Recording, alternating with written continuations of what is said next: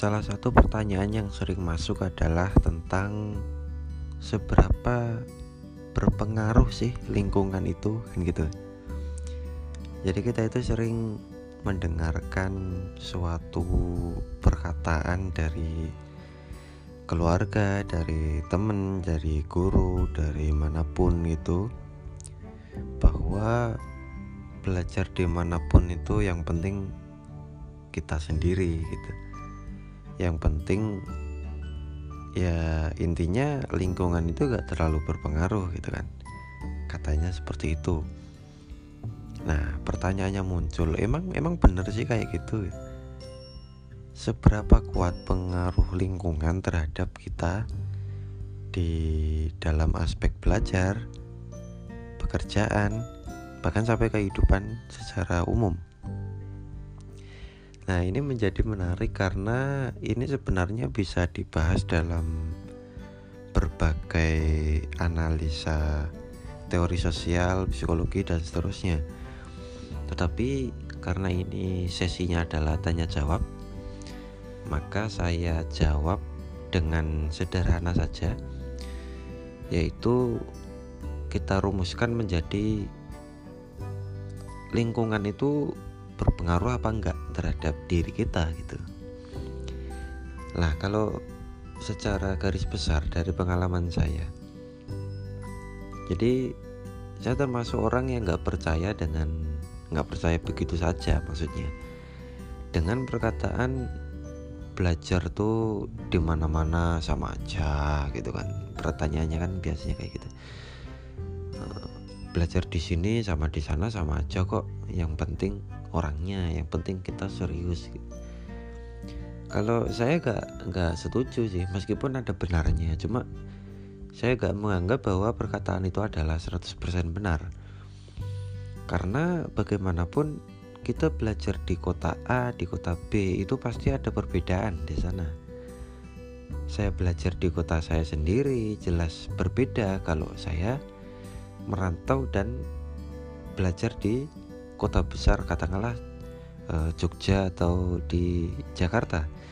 Di sana kan beda dengan di kultur rumah kan? Kita paham itu logika dasarnya seperti itu. Maka seberapa besar pengaruh lingkungan terhadap kita uh, untuk presentasi terhadap individu itu bisa berbeda. Contoh kalau di level saya sekarang nggak ada perbedaan mencolok saya masuk ke lingkungan nakal, lingkungan agamis, lingkungan ya intinya di mana pun saya berada saya bisa membawa diri saya sendiri. Artinya apa? Ini adalah soal pembawaan diri saya, sikap saya, kedewasaan saya di segala lingkungan. Tetapi lingkungan itu juga berpengaruh terhadap beberapa hal dalam diri saya. Misal, ketika saya dihadapkan kepada lingkungan yang berisi orang-orang malas saya tentu bisa membawa diri saya untuk tetap belajar tetap membawa diri saya untuk tekun dan seterusnya. Tetapi tensi belajar saya jelas berbeda ketika saya masuk ke lingkungan orang-orang yang lebih tekun, lebih ambisius dalam belajar jadi pernah saya itu punya pengalaman masuk ke dulu saya di belajar di apa di kampung Inggris gitu kan. Lah itu kan ada kelas-kelasnya dari kelas unggulan sampai kelas bawah.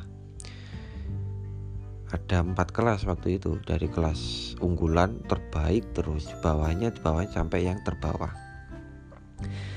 Kalau anak-anak unggulan itu ya ya itu mereka itu jam belajarnya tinggi banget lah. Artinya siapa pun yang masuk kelas itu itu sudah bisa dipastikan bahwa mereka itu punya jam khusus setiap hari untuk belajar, untuk menghafal, untuk mengulang pelajaran. Dan mereka punya kultur pemahaman ideologi bahwa belajar itu wajib. Nggak bisa itu aib. Nggak belajar itu memalukan itu kultur mereka artinya kalau misal kamu orang yang malas masuk ke kelas tersebut maka bisa dipastikan kamu akan secara otomatis mengikuti alur gaya mereka yang memiliki tensi belajar yang tinggi.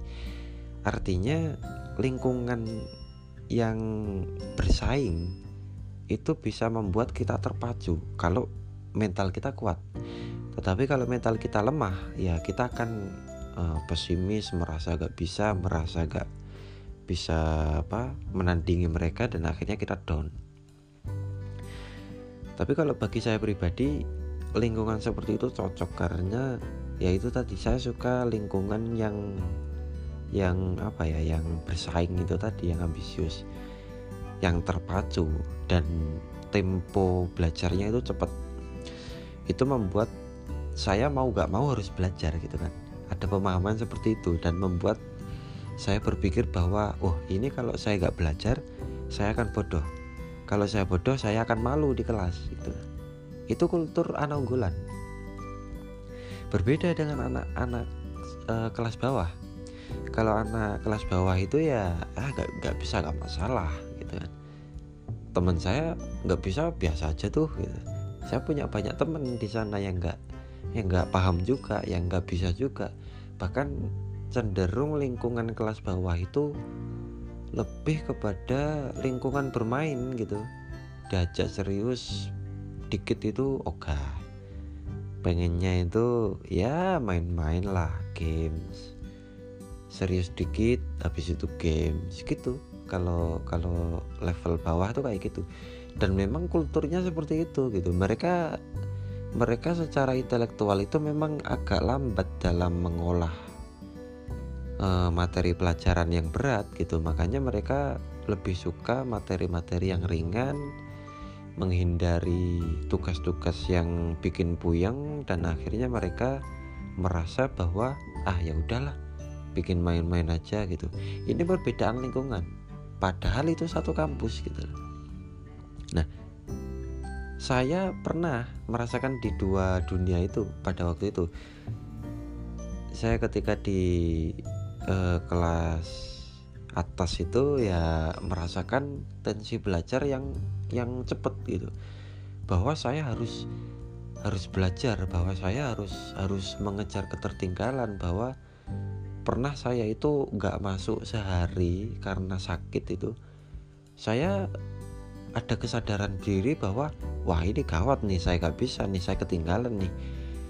Saya waktu itu minta privat ke teman saya bahkan eh tolong ini ajarin aku dong ini materi saya kemarin saya gak masuk gitu. Ada tanggung jawab moral seperti itu gitu. Dan itu kesadaran diri saya sendiri karena lingkungan saya itu memaksa saya untuk melakukannya. Nah jadi seperti itu. Beda kalau di kelas bawah itu nggak masuk telat bolos itu biasa. Nggak bisa nggak masalah itu di apa ya toleransi yang menggebu-gebu kalau saya bilang bahwa ah saya saya dapat nilai segini ah nggak masalah santai gitu saya dapat segini ah nggak masalah santai. Dan anehnya guru yang mengajar di kelas bawah ini juga mentolerir hal tersebut gitu beda kalau di kelas atas itu gurunya itu lebih lebih tegas lebih apa ya lebih expert. Ya intinya berbeda lah beda lingkungan lah. Nah ini perbedaan yang seperti ini yang membuat saya itu paham bahwa lingkungan itu berpengaruh gitu loh.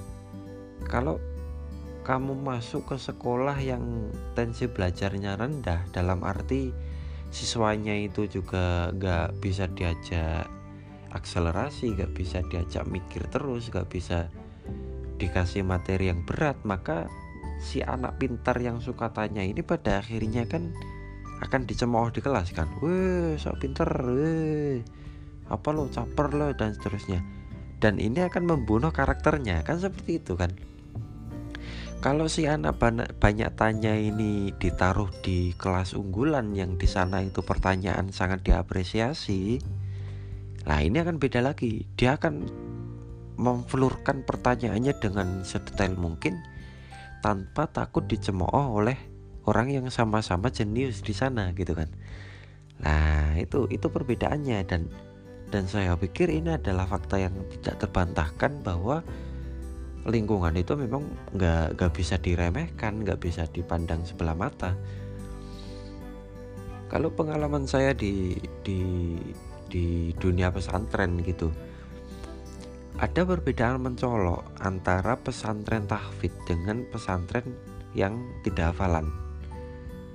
Misal nih misal dari cerita-cerita teman saya dan pengalaman saya sendiri kalau pesantren tahfidz itu yang ada target misal harus setor sekian lembar habis subuh misalnya itu kan ada target gitu kan.